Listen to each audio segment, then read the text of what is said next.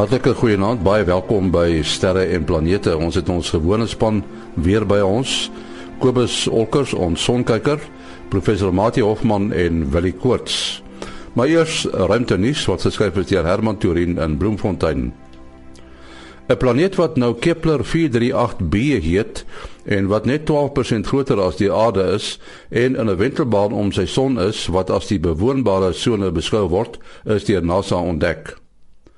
Boonop het NASA ook aangekondig dat nog 'n planeet ontdek is wat saam met Kepler 438b as die naaste aan aardgrootte eksoplanete beskou word wat nog ontdek is. Saturnus se posisie is 50 keer meer akkuraat as tevore bepaal, berig NASA. Volgens die nuwe meting is Saturnus se posisie tot 'n akkuraatheid van 4 km bepaal. Om dit te bereik is NASA se Cassini-tuig wat Saturnus en sy maane ondersoek en die VLBA teleskoopstelsel van die VSA se National Science Foundation saam ingespan. Hierdie akkurate meting sal baie beteken vir die navigasie van ruimtetuie en ook tot voordeel van fisika navorsing strek. Tot sover ruimtenuus wat geskryf het deur Herman Turin in Bloemfontein. En soos gewoonlik is Kobus Olkers uh, weer byderhand en hy praat oor die son. Kobus. Goeienaand en nie goeienaand luisteraars. Ja, ons son het 'n interessante week agter die rug. Hy toe ons het toe 'n filament uitbarsting gehad. Uh wat vir ons tot gister toe uh, nog 'n bietjie toename in die sonwindspoed gegee het. Uh daar is op die oomblik 'n uh, koronagat al die pad van die suidpool tot by die tot tot bo kan die ewenaar van die son. As mens op die gewone foto's kyk, dan sien 'n mens net so een of twee kleintjies, maar as jy op 'n laer 'n golflengte foto van die ekstra foto van die son kyk, dan sien mens hy loop al die pad van die suidpool af tot daar bo. Hy is nou geo-effektief. Hy is ook suidwaarts gerig relatief tot die aarde se magneetveld. Met ander woorde, ons ons het 'n redelike groot verstoring in uh langafstand kort kortgolf langafstand frekwensies. Dan het ons ook nog steeds twee filamente. Een in die suidelike halfrond lyk asof hy kan platval, maar hy is nie meer geo-effektief nie. En dan ons laaste ding op die son vandag is 'n komplekse area met 'n beta gamma delta konfigurasie wat beteken dit is pole binne en pole binne en pole basies en dit gee vir ons die moontlikheid vir uh, vir M tot X klas vakkels. Uh, hy is nog nie baie intens nie maar ons ons kan iets van hom af verwag en as ons as ons binne die volgende dag of so 'n bietjie iets onverwags sien op ons op ons selfoon en op ons GPS dan moet ons nie te verbaas wees nie. Goed, jy besonderhede Kobus? Dis uh, kobusolkers@gmail.com k o b u s o l c k e r s by gmail.com. Ons sê baie dankie uh, vir Kobus Olkers wat uit Florida in Amerika met ons praat. Nou ons span vanaand weer is uh Willie Koorts van die Suid-Afrikaanse Astronomiese Observatorium en dan uh professor Mati Hofman van die Universiteit van die Vrystaat, die Boden Sterrewag en die Digitale Planetarium. Uh Willie, jy, jy het laas keer net so uh, kortweg iets gesê oor die komeet wat uh, tans bo Suid-Afrika sigbaar is, Lovejoy. Miskien wil jy net weer verduidelik hoe hoe sien die mense die komeet en wat is uh interessant van die komeet. Hoe lyk sy periode? Interessant ek het nou opge, opgemerk, uh dis nou al die tweede keer wat die komeet lyk vir my in die, in die geskiedenis wat hulle kon naspoor dat die komeet al by die aarde kom draai het en dit is iets soos 8000 jaar gelede. So uiteraard was ons toe nou nog nie daar gewees nie. So ons is nou eintlik al bevoorreg om nou om nou 'n tweede keer tweede keer die komeet te sien of sover hulle kon kon vasstel. Ja. Ja, Lovejoy is ehm um, daar in in Australië is daar 'n baie aktiewe komeetjagter met die naam van Terry uh, Lovejoy en as ek reg onthou is dit al sy 6ste komeet wat hy ontdek het.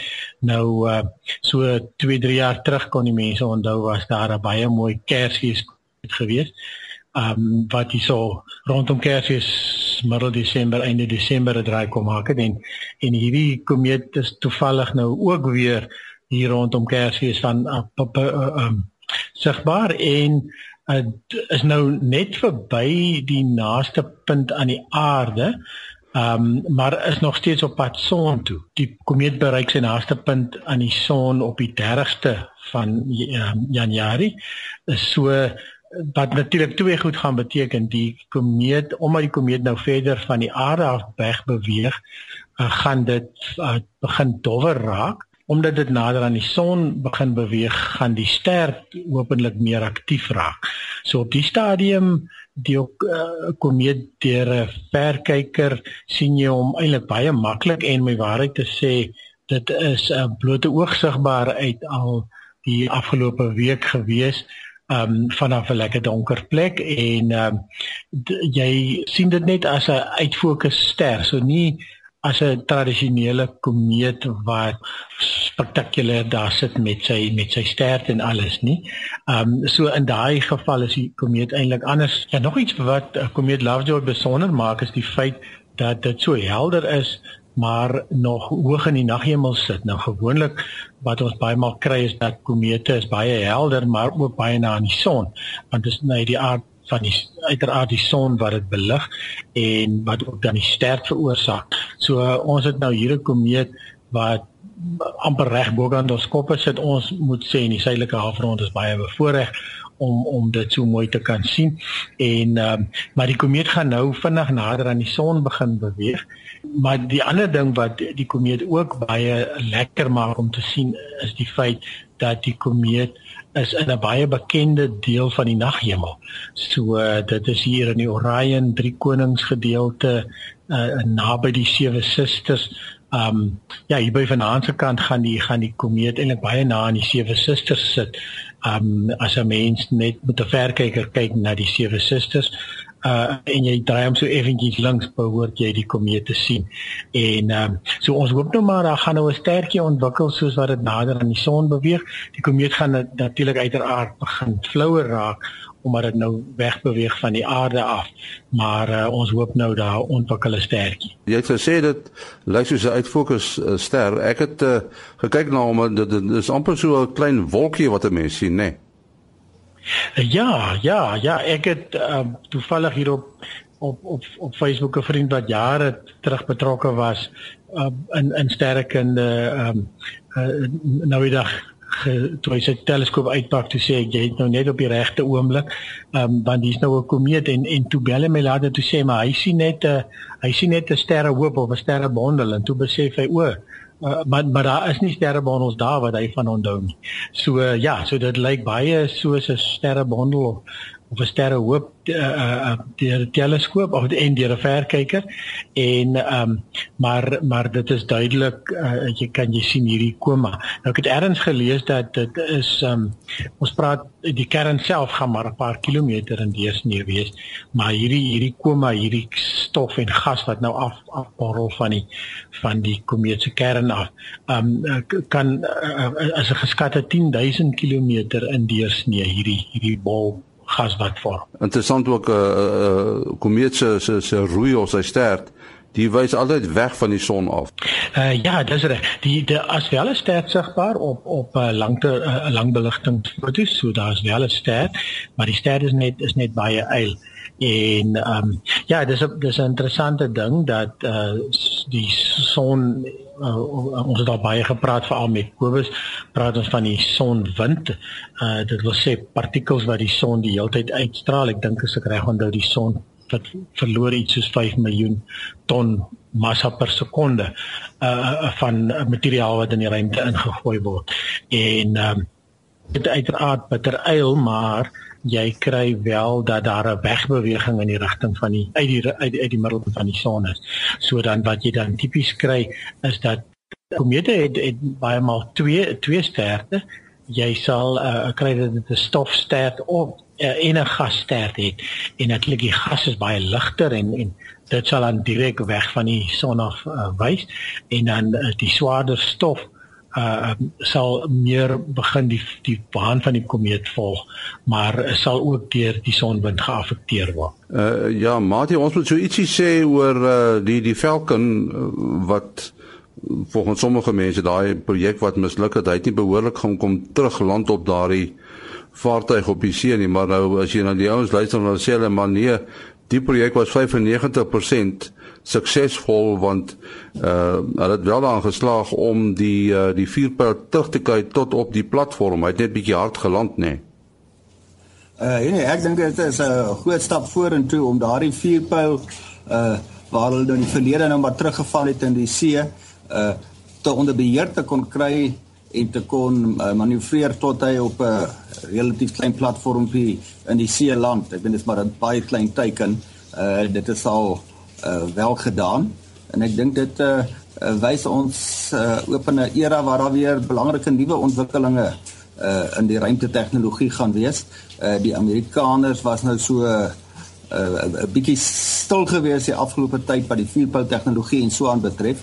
Nou in hierdie geval is dit natuurlik nou nie NASA self nie, dit is die uh SpaceX. SpaceX ja. Maar, maar NASA het ook nou 'n uh, belangrike bietjie langer termyn ontwikkelinge uh, met hulle oog op die diepruimte en wel uh nie net onbemande sendinge maar ook bemande sendinge.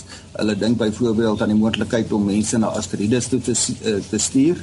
Dit sal natuurlik maar hoofsaaklik vir basies wetenskaplike navorsing uh wees en uiteindelik selfs Mars en uh, uh nou moet hulle 'n nuwe generasie uh bemande ruimtekapsules uh ontwikkel. Nou daar was reeds 'n uh eerste belangrike volgende stap uh, einde laas jaar met die Orion uh kapsule wat vir mense gebou is maar nou nog sonder mense wat 'n hele paar duisend kilometer van die aarde af uh weggeskiet is. En uiteindelik uh, gaan dit ook uh, oor die die lanseertegnologie die lanseerstelsel uh wat dan nou die diep ruimte met 'n bemande 'n sending moet kan uh, kan bereik. Dit as 'n bemande sending is, dan het dit baie meer vereistes. Dit is 'n 'n groter kapsule, dan moet baie stelsels wees terwyl hulle van die veiligheid en die oorlewing van die mense. Uh en hulle het nou die afgelope week ook 'n uh, engine getoets.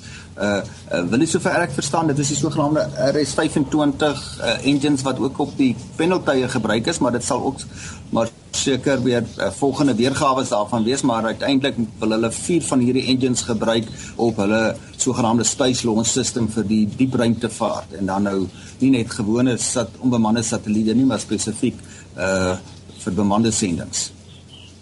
Uh, ja, ek wil ook miskien net byvoeg aan mens uh die die die die ehm um, herontplooiing of die landing van die eerste stadium van die SpaceX stuurpyl het nou amper die die nuus oorheers.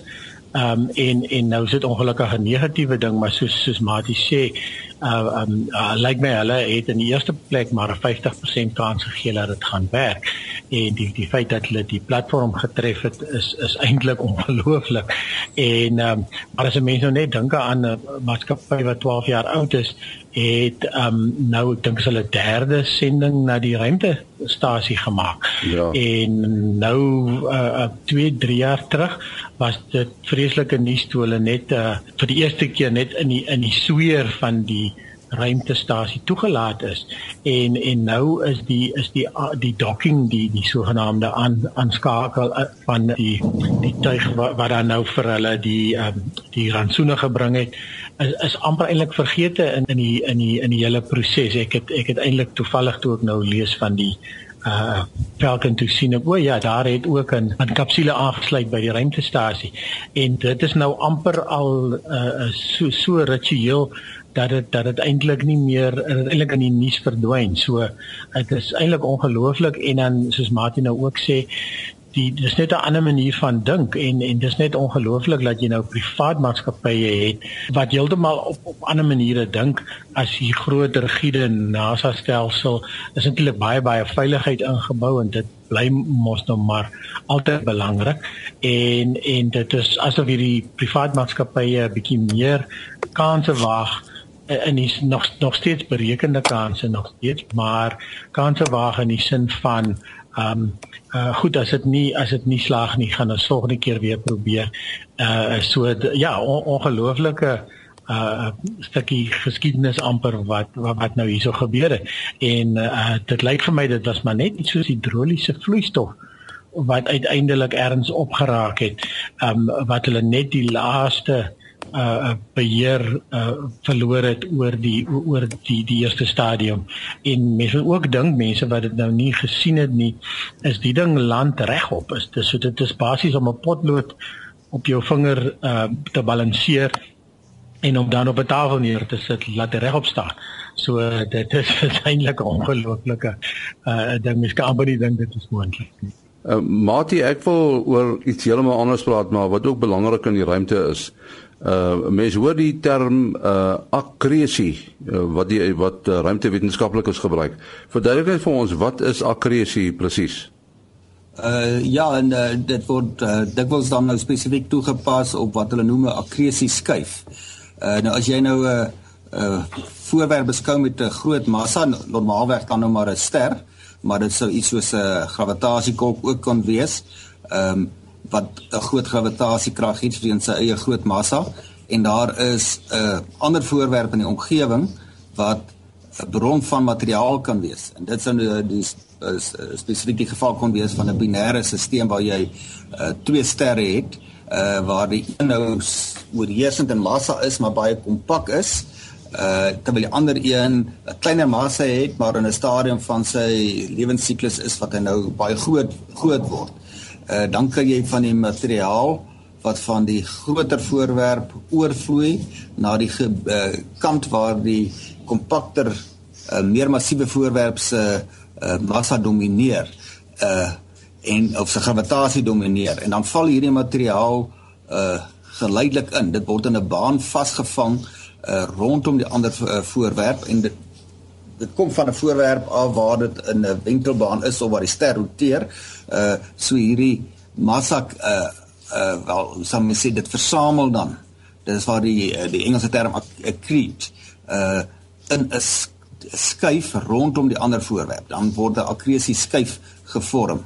Uh so dit roteer uh in 'n baan om die ander voorwerp, maar dit kan weens botsings tussen die deeltjies tussen die materiaal wat dan nou in hierdie akkresie skuif inval, uh kan dit uh, energie verloor uh of energie oordra tussen die verskillende dele van die akkresie skuif, so die akkresie skuif sal mettertyd uitsprei in 'n hele skuif, nie net in 'n in 'n in 'n baan nie. Uh so dit gaan nie net vir altyd daar in 'n bepaalde skerp gedefinieerde baan wees uh soos wat jy met 'n satelliet sou kry wat wat dit in 'n mooi uh, massa konsentrasie is nie. Uh en wel wat dan uh mens kan natuurlik vra hoe weet hulle hierdie goed bestaan? Daar is gevalle wat hulle dit net net kan waarneem by wyse van die infrarooi strale, uh, hierdie ehm um, akkresie materiaal wat dan versamel het, het wel 'n bietjie hitte, maar dit is baie kouer as die ster. So dit gaan nie helder in die optiese lig gloei nie, maar as jy met die infrarooi teleskope kyk, dan kan jy wel uh die hitte daarvan optel by wyse van die infrarooi lig. Uh so dit is een manier, maar meestal uh kry hulle 'n suggestie dat daar sulke materiaal is uh omdat 'n deel daarvan dan uiteindelik inval uh op die voorwerp wat dan die gravitasie in die omgewing domineer Uh, en dit val gewoonlik in na die poolgebiede weens die effek van die magneetvelde. En daar waar dit inval dra dit 'n groot hoeveelheid energie uh, oor en dit kan dan ekstrale veroorsaak of uh, uitbarstings veroorsaak en dit word dan nou uh, deur die teleskoop op die aarde opgetel. Natuurlik een van die eerste observasies wat met salt gedoen was was um, was van so 'n 'n stelsel gewees waar hulle uiteindelik met salt se geweldige ligversamelingsvermoë en uh, uh, tesame met die feit dat die kamera um, wat ons gebou het 'n uh, uh, baie hoë spoed kamera is uh, kon hulle eintlik hierdie hierdie kolletjie um, om omdat jy heeltemal niks kan sien soos maar jy sê jy kan dit nie direk sien nie jy sien maar net die sterlig Ehm um, maar deur dit dan ehm um, saam te voeg kan jy uiteindelik amper uh die die detail op daai kwaliteit sien en dit is eintlik meer as een kol waar die materiaal op die op die onderste ster inval kan jy maar sê. Uh uh pas dit pas dit moontlik om om dit te kon sien met sal. Ja, en nie die mense kan uh, gerus gaan Google salt first signs. Uh, dan behoort hulle uh, daardie nuusitem te kry en uh, wat spesifiek daarvan belang is op hierdie uh, ster wat relatief dof kan wees, het jy dan nou wat die die die twee kolle waar die materiaal inval wat sê so groot soos Europa kan wees en baie warmer is en dan kan jy meer lig van daardie kolle af. En nou kan mens nou voorstel hierdie twee sterre roteer om mekaar. So as jy 'n ligkromme gaan kry, dan gaan jy 'n dip kan jy 'n dip in die lig as die een ster uh, kom sê nou maar die die kompakte ster wat die uh, waar die materiaal op inval, as hy agter die ander ster verdwyn, nee, dan gaan natuurlik die lig, totale lig wat jy van die stelsel afkry, uh gaan dowwer word. Maar uh in daai proses wat die lig skielik dowwer word, is daar so fyn struktuurtjie wat hulle optel, so skouertjie. En ek dink hulle meet op die skaal van uh, uh, wil jy as ek reg onthou van millisekondes, duisendstes van 'n uh, sekonde om daai struktuurtjie op te tel en dit is waar uh dit oor daardie helder kol op die ster kom uh, gaan wanneer hy verdwyn. Dan kry jy daar 'n uh, verdere verdonkering van die totale helderheid. En as 'n mens nou uiteindelik gaan kyk van wat jy sien jy sien dit 'n ligpunt en jy kan sy lig meet baie helder en uh, ook baie vinnig in die geval van salt omdat hy so groot is. En dan by een teken hulle vir jou hierdie prentjie van die groot ster en die klein sterretjie en die helder kolle op die klein sterretjie maar dit word afgelei uit die metings uit en as jy nou die verklaring sien dan kan jy uh, sê ja dit is nogal oortuigend. Jy kan nie vir jou 'n bra ander verklaring voorstel hoekom die ligkromme gaan lyk soos wat hy lyk nie. Sou sou jy sê dat akkresie 'n rol gespeel het in die vorming van ons sonnestelsel? Uh ja dit kom ons uh kyk of dit 'n presies dieselfde meganisme is as 'n analoog in die terme term in terme van 'n skuif van materiaal wat rondom die son tot stand gekom het. Ehm um, maar dit het alles die al die massa was klaar daar. Die son was deel van 'n 'n nevel van uh, gas uh en die son het nou, het nou ontstaan daar waar die die, eerste en die meeste verdig het en soos dit verdig het uh het al meer en meer, meer materiaal na hierdie konsentrasiepunt van massa geval en in die proses warmer geword totdat dit so warm geword het dat die kernsmelting by miljoene grade Celsius aangeskakel kon word. en verder weg was daar nou die res van hierdie uh wolk wat nou in 'n skuif rondom die son begin draai. En mens kan jy nou voorstel, jy begin nie met 'n skuif nie, jy begin met 'n uh, amper sferiese verspreiding van massa. Uh maar as dit nou aanhou draai en uiteindelik vinniger draai, uh dan weet ons uit alledaagse ervaring so 'n stelsel gaan al platter word. Uh so hierdie materiaal was nie het nie ge uh akkrediseer van buite af nie, dit was deel van die stelsel. Uh so as ek nou so by opinie uitspreek, lyk dit nie van die heeltemal dieselfde as 'n kreasie nie, maar die stelsel wat tot stand kom, lyk baie soos 'n stelsel wat weens 'n kreasie tot stand kom. Ja, uh, al wat ek weet is uh, ek hoor daar in die agtergrond 'n ander stelsel in Bloemfontein. Ek neem aan dit reën is 'n uh, donder weer hier so en nie. Ja, so ons het van hierdie uh, komeet nie baie gesien die laaste paar dae nie. Ek het hom maar een keer gesien uh toe hy nou so 'n bietjie hoër gesit het as wat hy op die oomblik sit. Uh maar ek het wat nogal lekker is is om daar op ons Facebook bladsy te gaan kyk hoe die mense probeer om hom te sien en hoe bly hulle is as hulle hom uiteindelik sien. Gewoonlik vertel die mense eers hoe hulle verdwaal het met die verkyker in die sterrehemel. Uh maar dis blykbaar ook interessant want hulle ontdek uh, vir hulle self allerlei strukture en stergroeperings en so aan. Uh maar ek het nog net een keer die komeet gesien en uh, uh Willie het gepraat van die van van, van die ster. Ek sien wel die van ons goeie fotograwe tel die ster. Ek kos Coronaios daar in die noorde van die land. Hy het al 'n paar mooi foto's met die met die ster, maar nie almal kry dit reg nie. Mens moet seker maar spesiale uh, fotografiese sensors ja. nodig hê daarvoor ek weet sommer sommer dit is ja dit is wonderlik as uh, so iets gebeur uh om wat Martin nou beskryf het hoe dit mense weer uitkry 'n slag bietjie met hulle verkykers of teleskope te gaan afstop en uh en en en dan wonderlike ontdekkings doen. So ons is bly as die program daartoe bydra en natuurlik baie bly as daar se nou en dan iets in die lig verskyn wat dit regtig moeite werd maak. Martin, jou besonderhede? Uh selfoonnommer 083 625 7154 0836257154. En wat is? En 0724579208. 0724579208. En my besonderhede maas.henny@gmail.com maas.henny@gmail.com. Onthou die RSC sterre en planete Facebook bladsy. Kyk gerus daar en neem deel. Tot volgende week. Mooi dag.